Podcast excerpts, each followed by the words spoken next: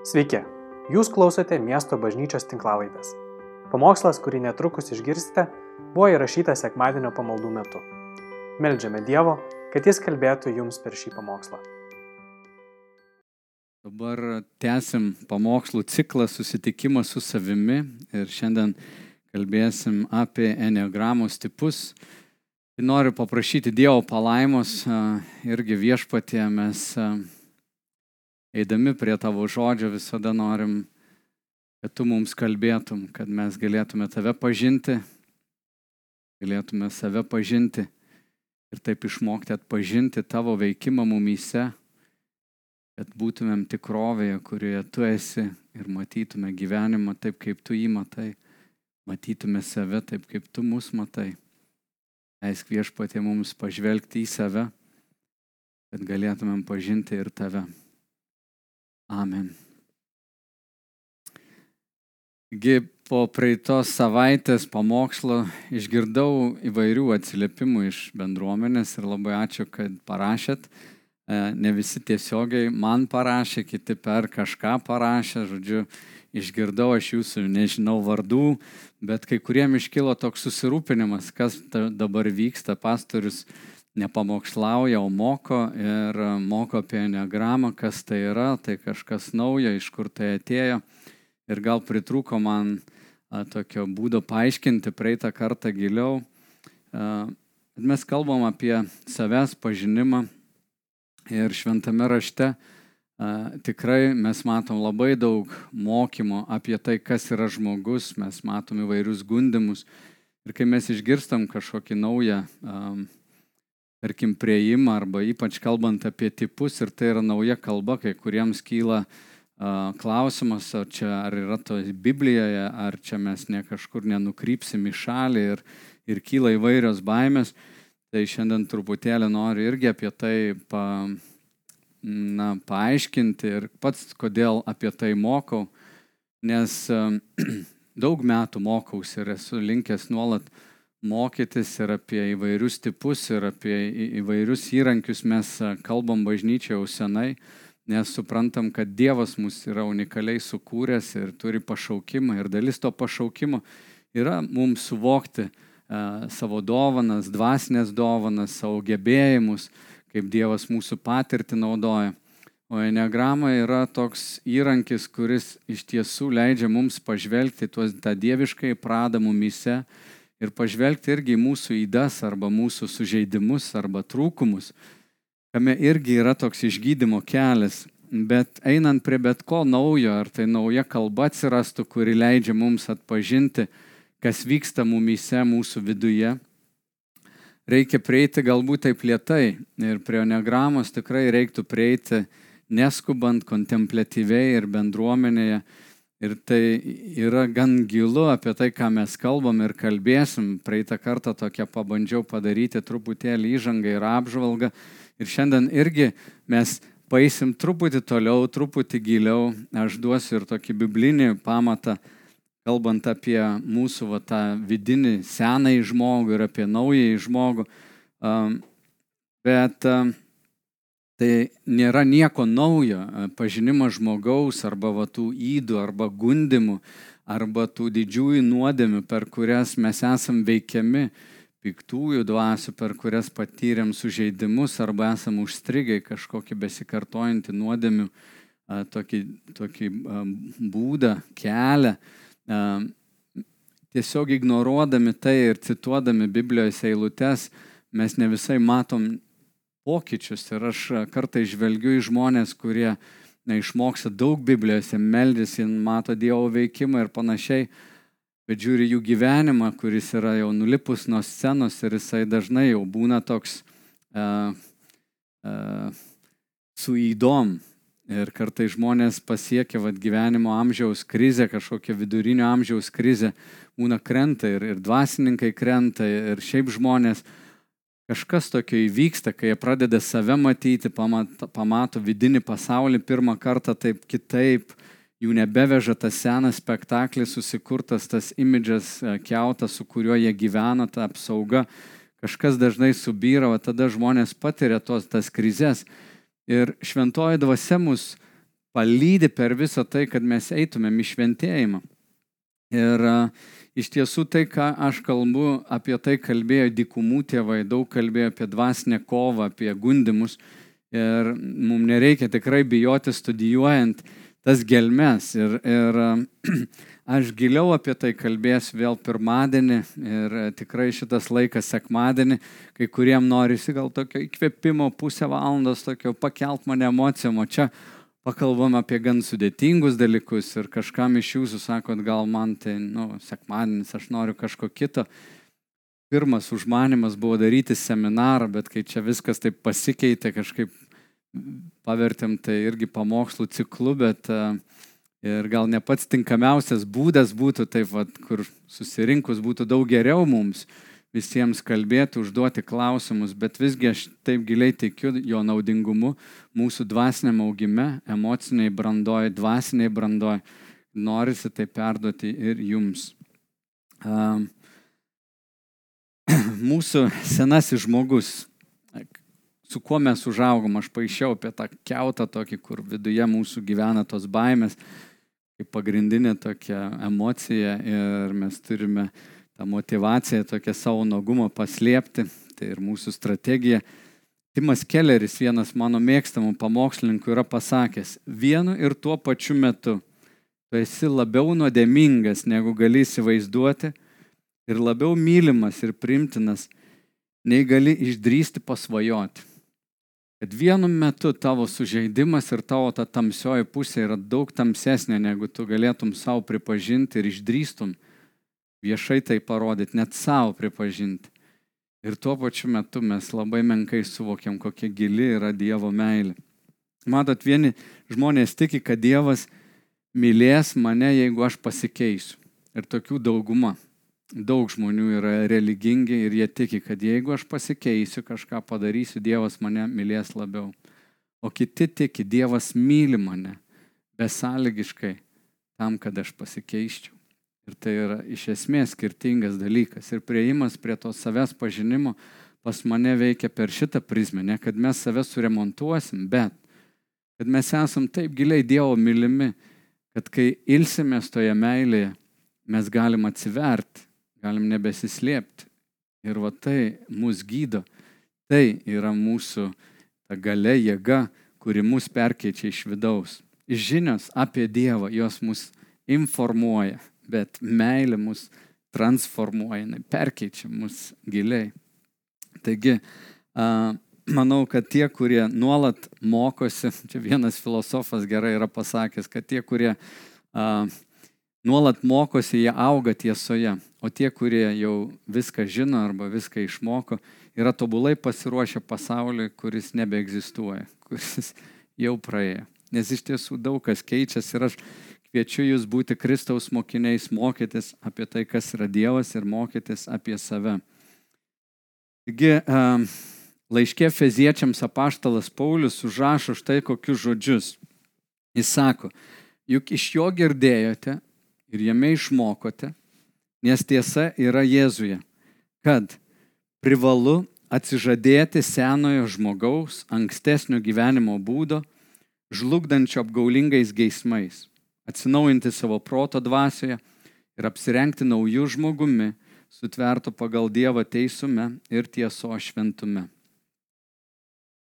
Paulius sako, jog mums yra privalu atsižadėti senojo žmogaus ankstesnio gyvenimo būdo, tai yra kažkokių veiksmų, kuriuos mes darydavom iki tol, kol pažinojom Dievą, bet ir patys atėję į šį gyvenimą mes einam per sužeidimus, mumise yra tas senasis aš, yra tas sužeistoji mūsų dalis, ta senoji prigimtis, arba kaip mes vadinam kūniškumu.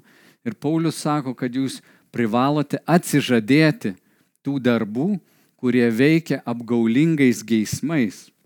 Vadinasi, yra kažkokie gundimai, kurie mus veikia giliai ir veikia mūsų elgseną. Mes turim tai nusivilkti kaip rūbą, kad galėtumėm apsivilkti tuo naujuoju žmogumi, sutvertų pagal Dievą teisume ir tiesos šventume. Ir čia mes kalbam, kad mūsų gyvenimas yra teisiškai Dievas mums atleidžia ir nuplauna Kristaus krauju ir jo auka mes esame išteisinti, bet mūsų šventėjimas yra nusirengimas tam tikrų dalykų, kad mes apsirengtumėm naujoju aš ir pataptumėm tuo tikruoju aš, kurių, kurį Dievas nori matyti. Mes esam pašaukti tapti panašiais į Kristų Jėzų, kad tas Saulis būtų Kristuje Jėzuje, panašus į jį savo elgesiu, savo mąstyseną, unikalus, nepraradęs savęs kaip Saulius, bet atradęs save naują Kristuje. O tas senasis turėtų būti paliktas, aš turėčiau jį nusivilkti. Ir tam, kad tu nusivilktum, kad tu atpažintum, kokie yra tie geismai, kaip jie tave gundo, kaip tu esi žlug, kaip jie žlugdo ir sako apgaulingi geismai. Vadinasi, yra apgaulės elementas, kad mes nematom kažko ir jis yra žlugdantis, tas mūsų senasis aš. Ir mes turim tai įvardinti, kad galėtum nusirengti. Jeigu tu sakysi, to nebėra, neegzistuoja ir kai kurie pamokslininkai sako, viskas, senoji, mes nukryžiuoti su Kristum, visa tai mirė, tai yra bloga teologija. Nes tikrovė yra, kad nuodėmė mumise pasireiškia, bet mes nesutelkiam savo dėmesio tik į nuodėmę. Mes žvelgiame į šventosios dvasios veikimą mumise ir per tai mes esam keičiami Dievo meilė. Inegrama yra tas įrankis, kuris parodo, kaip mes būname pavergiami savęs paties per apgaulingus tuos geismus arba gundimus ir tai parodo, kaip mes galim atspindėti Dievo meilę šiam pasauliu. Enneograma parodo ir tą gražiąją mūsų pusę. Laiškė kolosiečiams Paulius jau kitai bažnyčiai rašo. Irgi sako, nebemeluokite vienas kitam, nusivilkę senai žmogų su jo darbais ir apsivilkę nauju, kuris atnaujinamas pažinimu pagal atvaizdą to, kuris jį sukūrė. Naujasis yra atnaujinamas pažinimu, Dievo pažinimu, bet taip pat mes nusivelkam senąjį žmogų. Ir tai yra sąmoningas veiksmas. Tu turi suvokti, pamatyti, ką tau reikia nusivilkti. Pavydą, apgaulę, gašlumą, godumą, ką tu turi nusivilkti. Kas tave labiausiai paveikia, kokie dalykai giliai apsimetinėjimas, tuštybė, puikybė, kas yra tie dalykai, kurie na, lengviausiai tave pažeidžia. Keletą žodžių apie vidinį konfliktą. Vėlgi, kai krikščionys ignoruoja, kad juose yra kažkokia tamsi pusė, manau, tai daro tik tai žalą jam patiem. Apaštalas Paulius romiečiams laiškė 7 skyriuje nuostabiai užrašo, aprašo tą vidinį konfliktą, kuris vyksta. Ir štai ką jisai sako. Nes mes žinome, kad įstatymas yra dvasiškas. Vadinasi, Dievo tiesos, ar ne dešimt Dievo įsakymų, kiti įstatymai. Jie yra šventi, dvasiški, o aš esu kūniškas, parduotas nuodėmiai. Ir aš net neišmanau, ką daras, nes darau ne tai, ko noriu, bet tai, ko nekenčiu. Ar tau tai būna? Galvoju, aš norėčiau atleisti, negaliu atleisti. Aš norėčiau labai pasitarnauti ir vėl aš susierzinęs, vėl priekaištauju. Yra daug dalykų, kur mes norim padaryti, bet mums neišeina. O jei darau tai, ko nenoriu, tada sutinku, kad įstatymas geras. Tada jau nebe aš tai darau, bet mani gyvenanti nuodėmė. Tai ką jisai sako. Jeigu darau tai, ko nenoriu, aš nebe aš tai darau, ar ne? Tada jau nebe aš tai darau, bet mani gyvenanti nuodėmė. Aš juk žinau, kad manyje tai yra mano kūnė, nėra jokio gėrio. Gero trokštis sugebu, o padaryti ne. Aš nedarau gėrio, kurio trokšto, darau blogį, kurio nenoriu. Jeigu darau, ko nenoriu, tada nebe aš tai darau, bet manyje gyvenanti nuodėmė. Taigi aš randu tokį įstatymą savyje. Kai trokštų padaryti gerą, prie manęs prilimpa blogą. Juk kaip vidinis žmogus aš gėriuosi Dievo įstatymu, bet savo nariuose matau kitą įstatymą, kovojantį su mano proto įstatymu ir paverčianti mane belaisvių nuodėmės įstatymu, kuris yra mano nariuose. Ir žiūrėkit, kaip jis užbaigė tą skyrių. Vargšas aš žmogus, kas išlaisvins mane iš šito mirties kūno. Bet ačiū Dievui per mūsų viešpatį Jėzų Kristų. Taigi aš pats protu tarnauju Dievo įstatymojo kūnų nuodėmės įstatymą.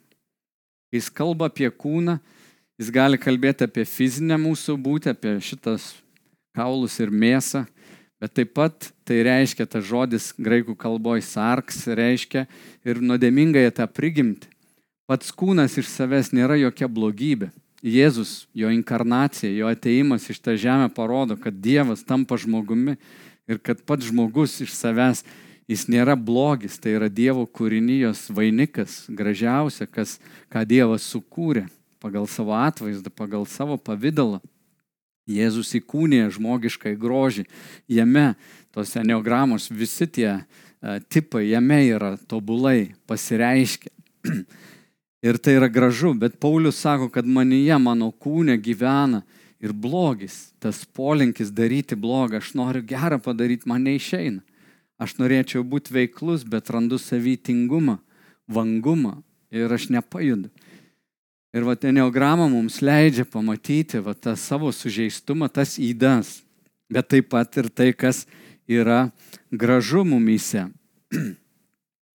Taigi, aštuntos skyriaus pradžioje paskui jisai kalba labai gražiai, kad nebėra Kristuje pasmerkimo tiems, kurie yra jame.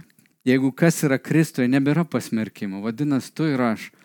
Mes esam Dievo išsaugoti, mes Dievo mylimi. Dievas nebesmerkia, jis mus mato, jis mus priima. Mumise yra naujas kūrinys, kuris yra sukurtas teisume ir šventume o ta sena tarsi velkasi kaip koks šlamštas iš paskos ir jis veikia mus.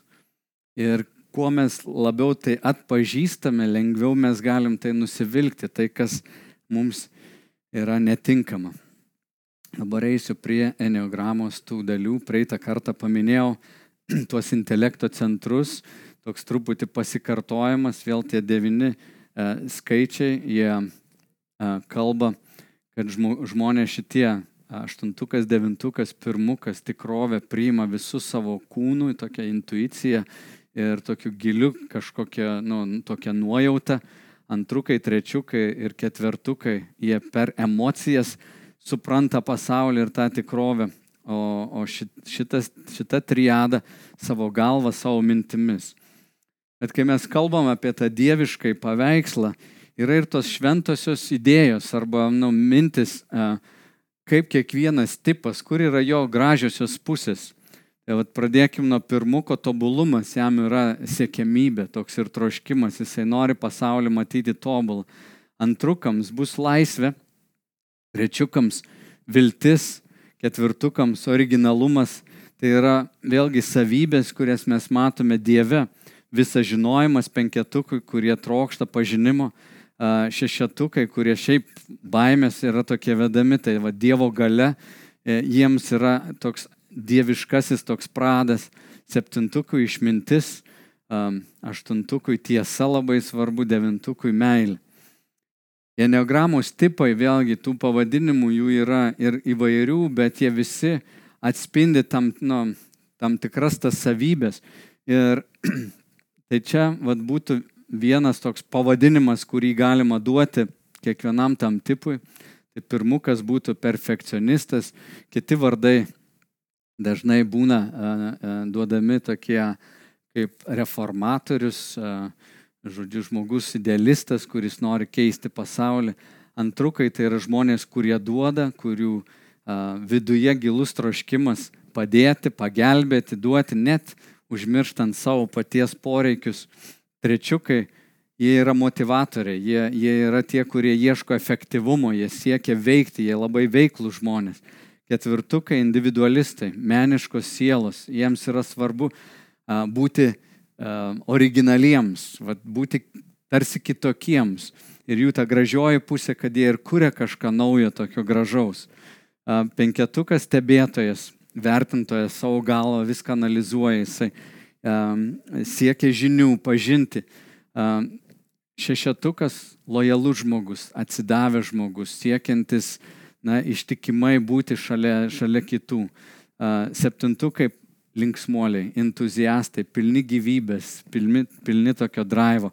Aštuntukas - na, bosas, ar ne, jisai irgi veiklus labai žmogus, kuris vertina tiesą, Tai yra žmonės, kurie dažnai ir tampa tokiais natūraliais lyderiais. Jie ateina, jie pamato jį ir jie nori veikti, jie, jie trokšta apsaugoti sužeistuosius, mažuosius, žodžius, toks gilus instinktas ap, apsaugoti kitus.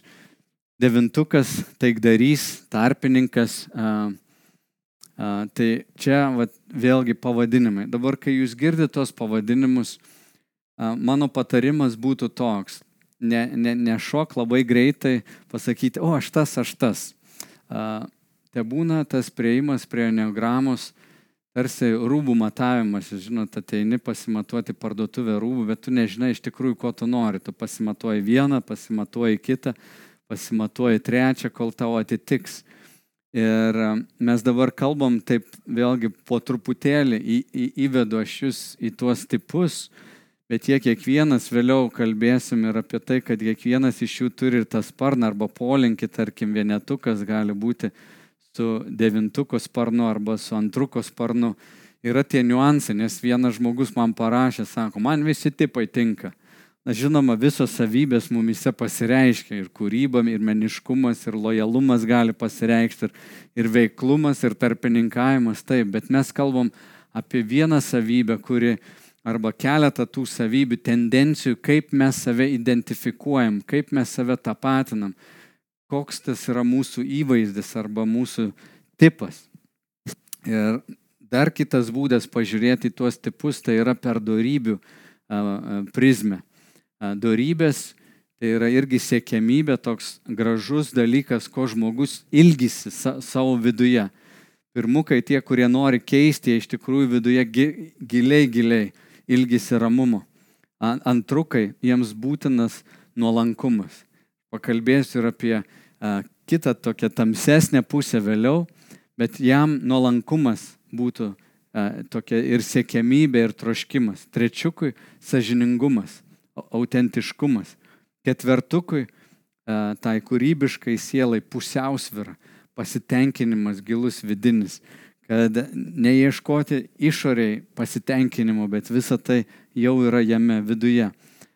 Penketukui neprisirišimas, šešetukui drąsa, septintukui blaivumas, kuris linkęs išsiblaškyti ir, ir, ir, ir, ir išsitaškyti truputėlį, ieškodamas vis naujų pramogų, kaip pabėgti nuo savo vidinio sužeistumo. Aštuntukui nekaltumas, devintukui veikimas. Taigi jūs galite pasižiūrėti, kai veikimas, tai čia pasakyčiau, darybė, siekiamybė. Jeigu jo tamsioji pusė būtų, kad jis yra linkęs į tingumą arba neveikimą, tai vad veikimas būtų darybė tam tipui, siekiamybė, teisingas veiksmas, teisingas pasirinkimas. Noriu ir pakalbėti apie eneogramos tipus Biblijoje. Um, Tai pažiūrėkime keletą žmonių. Apaštalas Paulius būtų pirmukas, šimta procentų atsidavęs Dievui, atkaklus, orientuotas į teisingumą, etiškas, sumanus, drasus, nepajudinamas tikėjimas. Tai yra tie reformatoriai. Martinas Liuteris Kingas būtų toks. Irgi žmonės, kurie turi tą gilę energiją eiti ir keisti. Ir čia va jo pozityvioji pusė. Ir įdomu, kad apaštalas Paulius sako, Dievas išsirinko mane, kad parodytų visiems gilius savo kantrybės turtus.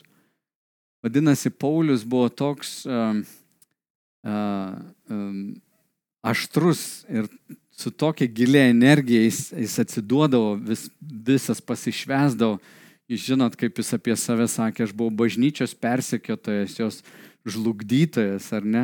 Bet Dievas manęs pasigailėjo ir paskui Paulius sako, kaip Dievas jį reformavo. Ir Paulius suprato Dievo meilę, kad Dievas jį pamilo, priėmė, kai jis buvo absoliutus nusikaltelis, bažnyčia persekiojo. Ir jame jo laiškuose mes matom tą irgi didelį Dievo kantrybę ir gailestingumą, kaip Dievas jį keičia. Antrukas Marija Magdalena, nuolat rodanti Dievo meilę. Dievo e, meilė žmonėms, nesviruojanti, nusekli, duodanti, tarnaujanti. Moze būtų pavyzdys trečiuko. Vėlgi tai yra žmonės, kurie yra irgi veiklus, klusnus Dievo kvietimui, pažįstantis Dievo balsą, aistringas, solus darbininkas, toks natūralus vėlgi lyderis, žmogus, kuris sutelkia, įkvepia, jam efektyvumas bus labai svarbus. Ir mes žinom, kad Mozė kaip pranašas jisai nuveikė nu, be galo daug, jisai vedė tautą iš, iš vergystės į pažadėtą į žemę keletą milijonų žmonių. Na, ketvirtas tipas būtų karalius Dovydas. Vyras pagal Dievo širdį žavisi Dievo kūrybiškumu, save pažįstantis, giliai jaučiantis, empatiškas, nuoširdus. Kai mes mastom apie Dovydą, 75 procentai Dovydo parašy, ne, 75 psalmės, man atrodo, yra Dovydo užrašytos. Ir Dovydas yra ta meniška siela. Jis yra poetas, jis yra rašytojas, jis yra geras lyderis, bet mes matom, kaip daug Biblijos tyriejų ir tą gilų tokį nerimą jame mes matome, kaip jis giliai įkrenta į depresiją, į, į tokią melancholiją, į tą liūdėsi kurdamas. Dėl to mes psalmėse taip susitapatinam su juo, kai jis aprašo, kad Aš laiščiau savo pagalbę ašaromis dieną ir naktį, aš ieškojau tavo veido, neradau savo vietos ir panašiai. Kai skaitai vadovido tą menišką sielą ir galvoju, wow, o čia yra toks gražus žmogus, kuris tiek daug sukūrė. Jis būtų ketvertuko pavyzdys. Penketukas tas žmogus, kuris per protą priima gydytojas Lukas, evangelistas, vertina Dievo išmintį, siekia Dievo tiesos, protingas, išvalgus, novatoriškas. Na, kitas toks būtų Nikodemas, irgi be, be galo toks proto žmogus, vienas garsiausių to meto, galima sakyti, aukščiausiojo teismo ir parlamento arba Seimo narys, ar ne, tai, tai unikalus žmogus. Lukas irgi viską tyriantis, jisai rašo Teofiliui, rašau tau laišką, tu jau skaitėjai vieną atsiliepimą kitą, aš viską sudėjau, viską išanalizavau, susisteminau. Mes matome, kaip Dievas naudoja skirtingus žmonės su jų skirtingu ypatumu užrašyti vat, Dievo žodį, kuris yra šventosios dvasios įkvėptas. Mes matom tas gražias savybės atsispindinčias viename ar kitame žmoguje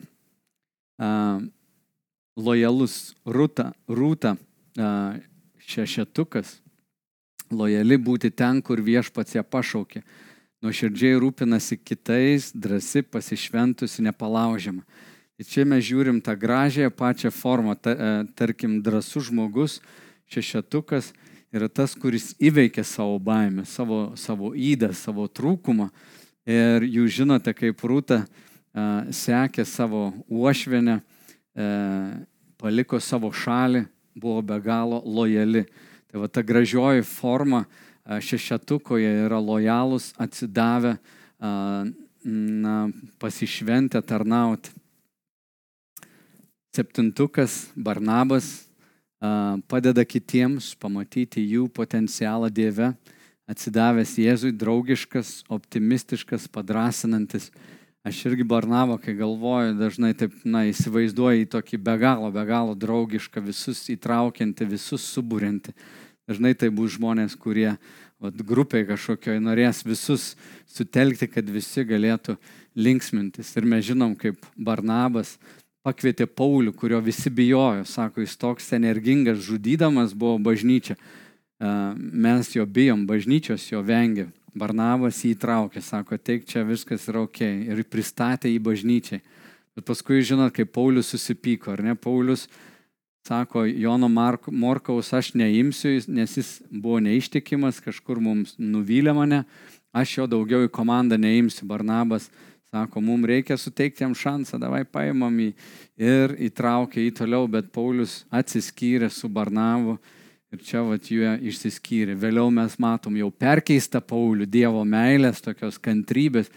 Ir galiausiai sako, atsiųsk man ir morku, kad aš galėčiau, na, kad jis galėtų man patarnauti. Tai Barnabas vat yra vėlgi septintuko atspindys. Jonas Krikštytojas, natūralus toks lyderis, e, tvirtai laikantis Dievo žodžio, kreipia žmonės link Kristaus, orientuotas į teisingumą. Jam tiesa ir teisingumas e, yra be galo svarbus, nepalaužiamas toks a, lyderis. Na ir paskutinis devintukas apaštalas Jonas, pasitikintis Dievu iš viso širdies, rūpinasi kitais, taikdarys, prisitaikantis, draugiškas. Apaštalas Jonas, meilės apaštalas yra tas tarpininkas, taikdarys. Visi jie atspindi vienokią ar kitokią Dievo tokią na, savybę. Tai čia vat yra tos gražiosios, gražiosios pusės, kaip Dievas pašaukęs gali naudoti juos. Noriu, kad pažiūrėtumėm dabar ir tamsesnę pusę kiekvieno šito tipo.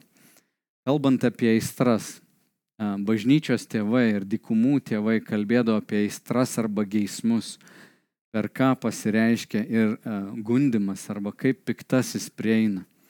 Tai vad nuodėmė, kuri, kuri kankins tą perfekcionistą yra piktis, kuris labai dažnai yra toks vidinis, vat, pirmukai užspaudžia savo emocijas ir, ir, ir dažnai keisdami tą pasaulį turi reikalavimų kitiems ir tą pyktį jie laiko giliai viduje.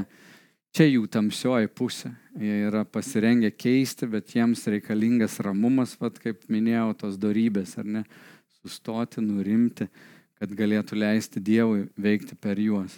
Antrukai, kurie yra na, atsidavę, labai tarnaujantis, dažnai net pamirštantis, atrodo savo poreikius, jų tamsioji pusė yra puikybė. O puikybė pasireiškia kame, kad padėdami jie dažnai turi ir tą motivaciją tokią, na, kaip investicija. Kai jie pamato savo tą pusę, kad jie yra naudingi, reikalingi kitiems, čia yra ta puikybės pusė juose kaip minėjom, tos darybės, nuolankumas būtų kita pusė, kada jie leidžia ir savo, na, kad kiti patarnautų jiems, nes tie antrukai būtų tie, kurie atrodo save užmiršta. Tai yra žmonės, kuriem tu paskambinsi, jie vidury nakties atsikels, važiuos tau padės ir, žodžiu, be galo tarnaujantis. Ir jiems dažnai sunku pamatyti, kad vis, už viso to irgi jų sužeistume veikia puikybė. Rečiukas apgaulė. Jo gražioji pusė būtų ieškojimas to autentiškumo, sažiningumo, bet apgaulė iš ko kyla. Kaip minėjau, kai nuo vaikystės jie gal buvo vertinami už tai, ką jie darė, už tai, kaip jie, kad jų vertė yra tame, ką jie pasiekė, ką jie darė, už tai jie buvo giriami, jie susikūrė irgi tokį imidžą ir jiem labai svarbu tas geras įvaizdis, veikiantis, veiklus, efektyvus, jie atitolsta nuo savo paties jausmų, dažnai nesupranta, kas vyksta viduje ir išoriškai pasirodo, bet viduje jie išgyvena gilę va tokią to dviveidiškumą arba apgaulės tokį elementą savo viduje. Na ketvertukai, tie individualistas arba menininkas toks, meniška ta siela kenčia nuo pavydo. Jie dažnai lygina save su kitais, ką kiti turi, ką kiti pasiekė. Jie nori savo nepasitenkinimą, gilų vidinį tokį, um, patenkinti kažkokią veiklą išorėje, sukurdami kažką. Ir pavydas būtų jų tamsioji pusė. Penketukui gopšumas. Um, Ir gopšumas, tai mm, aš jau berots praeitą kartą užsiminiau, ne ta prasme, kad jisai siekia prisigrobti turtą. Dažnai tai žmonės, kuriem turtai apskritai gal mažiausiai rūpi. Bet žinių prasme gopšumas - suprasti, žinoti, įvertinti, sistematizuoti, viską sudėlioti lentynas ir jausis, kad aš a, galiu a, žinoti daugiau, aš negaliu atsidurti aplinkoje, kur aš nieko nežinau. Jie bus labai lėti kalbėti, viską pasvers, negalėtų apsijuokti, jie norėtų būti tie, kurie, na, žino, išstudijavę yra. Ir tas gopšumas yra toks žiniomis už, užpildyti savo, savo galvą. Ir jie, kaip sakiau, atitrūksta nuo tos tikrovės, kuri yra nuolat dabar, tiesiog per savo mintis, minčių pasaulyje gyvena. Na, šešetuko, to lojalaus, lojalisto, um, tamsioji pusė arba aistra tokia būtų baime. Yra tie, kurie uh, išgyvena gilų nerimą, gilę baimę ir dažnai nežino, kur eiti, kur pasirinkti, jie nuolat sveria, vėlgi galvoje, sveria įvairias opcijas, pasirinkimus, kad tik tais e, kažkas nesukeltų man baimės, net, net neštų griūties. Kartais jie vadinami dar tokie skeptiški lojalistai arba ištikimi, bet jie yra skeptiški. Jie puikūs draugai yra, nes jie nuolat norės apsaugoti ir tave, bet tai kyla irgi iš gilaus tokio baimės ne, nu, e, jausmo.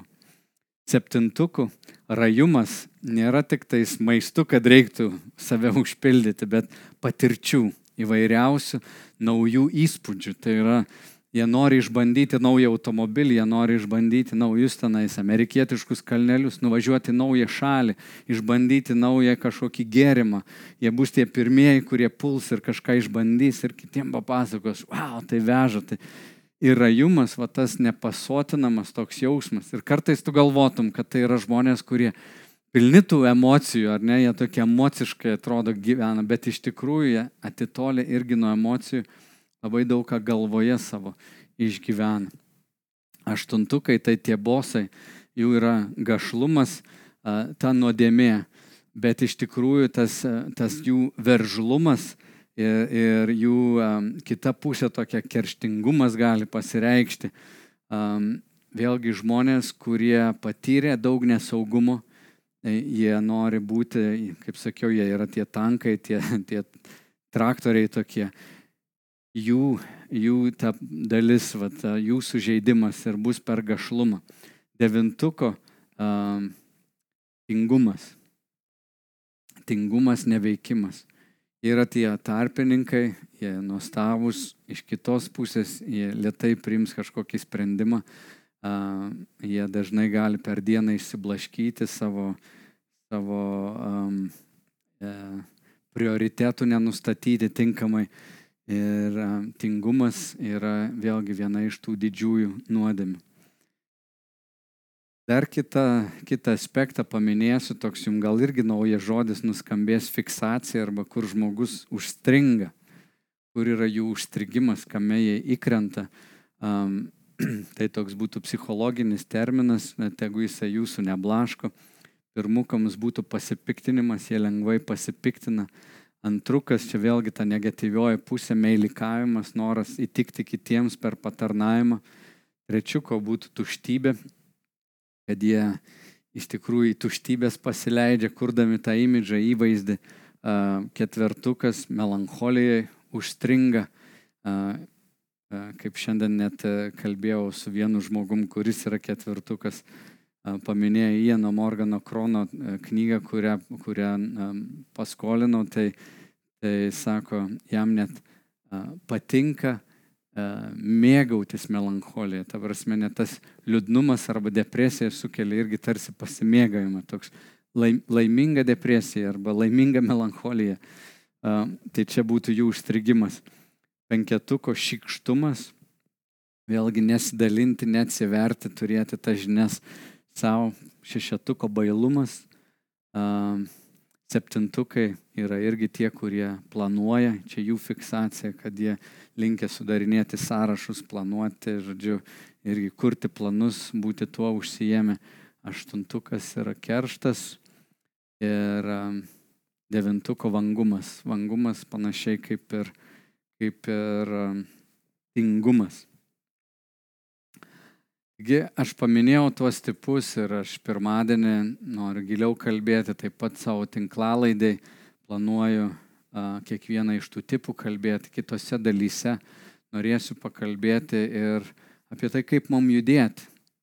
A, kai kalbam at, apie tas tamsesias pusės, tą sužeistumą, kartais taip atrodo, wow, aš net nenoriu apie tai galvoti, mane čia tarsi išrengia ir kuo daugiau kalbi, vat, ir tos motivacijos pasimato yra nejaukumo jausmas ir ne visi pasiruošę tai eiti. Jeigu tu taip sutrikęs, viskas ok, gal tu nesi dar pasiruošęs. Aš tik noriu užbaigti šį pamokslą tokią padrasinančią žinutę ir palyginimu. Vieno tokio žydo palyginimu. Jakobas yra pasakęs tokį palyginimą apie vieną turtingą karalių, kuris turėjo be galo daug turtų, bet vienas didžiausių jo turtų buvo deimantas, didžiausias iš visų, kokį kas yra matęs. Žodžiu, pas jį atvažiuodavo labai daug žmonių pasižiūrėti, jo paveikslų, garsiausių visų menininkų pasaulio, skulptūrų, įvairiausių žymių menininkų. Bet iš visų tų turtų, kuriuos jis turėjo, deimantas, didžiulis deimantas buvo jo pats brangiausias dalykas. Ir kai karalius namuose stebėdavo jį, žiūrėdavo, kai jau atsidžiaugdavo to deimantu, jis išstatydavo vienoje salėje, kur ateidavo ir paprasti žmonės pasižiūrėti tą deimantą. Žodžiu, žmonės iš daug kur sukeliaudavo, suvažiuodavo. At vieną dieną karalius paėmė tą deimantą ir žiūrėdamas buvo visiškam šokė, pamatęs skilimą, kuris ėjo nuo viršaus iki pat apačios. Jis sušaukė greitai visus savo ten dvariškius, juvelyrus įvairius. Jis buvo tokiam šokė, kad tai, kas buvo brangiausia, jis net laikė tą deimantą kaip ir visos jo sėkmės viso turto kito priežastį, kodėl jis tiek daug tų turtų ir surinko. Žodžiu, jis buvo visiškai sudužęs, sugniuždytas, kad tai, kas jam atrodė brangiausia, buvo perskeli. Visi, žodžiu, susirinkę, juvelyrai patarinėjo, ką daryti, niekas neranda išeičių, vieni sako, reiktų skelti į per pusę, netgi tie du gabalai būtų visgi didžiausi, kurie yra tik tais rasti pasaulyje tu vis tiek būtum žinomas dėl jų, tai jie, jie būtų puikus. Visa tai jo nepatenkino. Po keletos savaičių a, pasirodė prie durų toks tarsi valkata, senukas, senas, nu, apdriskė žmogeliukas.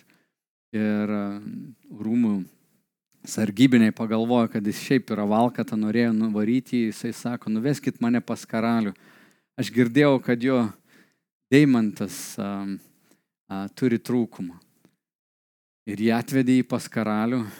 Um, tas senukas paprašė karaliaus parodyti tą deimantą, kadangi jis buvo tokioje desperatiškoje situacijoje, sako, imk pažiūrėk.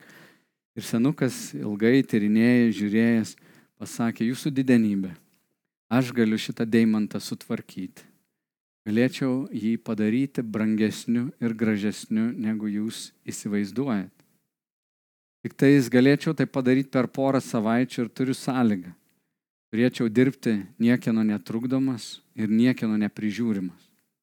Na, karaliui tai pasirodė įtartina, tai galvoja, gal jis apsimetelis kažkoks yra, sako, aš tada turiu vieną sąlygą, tada tai turi būti mano rūmai. Jų rūmose buvo paskirtas kambarys, kur sargybiniai pastatyti, prižiūrėjo, bet niekas jo netrukdė, niekas nesikišo. Po dviejų savaičių senukas pranešė sargybiniams, kad darbas baigtas, visi laimingai, pilni džiaugsmo nubėgo, pakvietė karalių ir įviniotą į tą švitrinį tokį tą, tą medžiagą, tokią purviną, buvo atneštas karaliui tas deimantas, kai karalius atidarė tą deimantą. Ant viršaus buvo išgraviruota nuostabi gėlė. Ir tas kilimas buvo padarytas tos gėlės kotų. Tas deimantas atrodė daug gražiau negu prieš tai ir iš tikrųjų jo vertę įvertina, kad jis yra daug, daug nuostabesnis negu buvo prieš tai. Juk karalius buvo be galo pradžiugęs. Ir kai mes kalbam apie mūsų sužeistumą, įman šitą palyginimą, tas kilimas jis yra tarsi mirtinas a, a, tam deimantui mūsų gyvenimas, pradinė mūsų nuodėmė yra kaip gilus toks sužeidimas, kilimas, kuris atrodo nebepataisomas ir labai nuvertina mus. Bet Dievas yra tas meistras, kuris paima mus labai švelniai su meile, kaip geras graveris ir padaro kažką dar gražiau. Ir viso to grožio dalimi yra ir tas kilimas. Ir aš noriu tave padrasinti, kai tu žvelgi tos seniogramos tipus, kai tu pradedi kažkiek atpažinti save ir matyti. Ir jeigu tu norėsi toliau gilintis ir pamatyti, kaip visa tai veikia, pažinti save per tai giliau, tu pamatysi ir tą gražų graverio darbą, kaip Dievas visame tame turi savo atperkamai e, veiksmą tavo gyvenime, kad jo grožis per tave sušvistų ir šiame pasaulyje. Į tėvę aš meldžiu, kad visi mes, kurie esame tavo meilės paliesti, būtume keičiami išlovės išlovę, matydami tave Dievę kaip tobulą, žvelgdami tave kaip tobulą mūsų kurėją, tavo meilės būtumėm transformuoti, perkeisti. Ne savo valios pastangom, ne tik per savistabą, bet per tavo meilę. Šventoji dvasia, lydėk mus gilin, artyn, link savęs, link tavo meilės pažinimo. O prašau, Kristaus Jėzaus vardu. Amen. Ačiū, kad klausėte. Daugiau informacijos apie miesto bažnyčią rasite internete www.m-b.lt arba Facebook, Instagram bei YouTube paskiruose.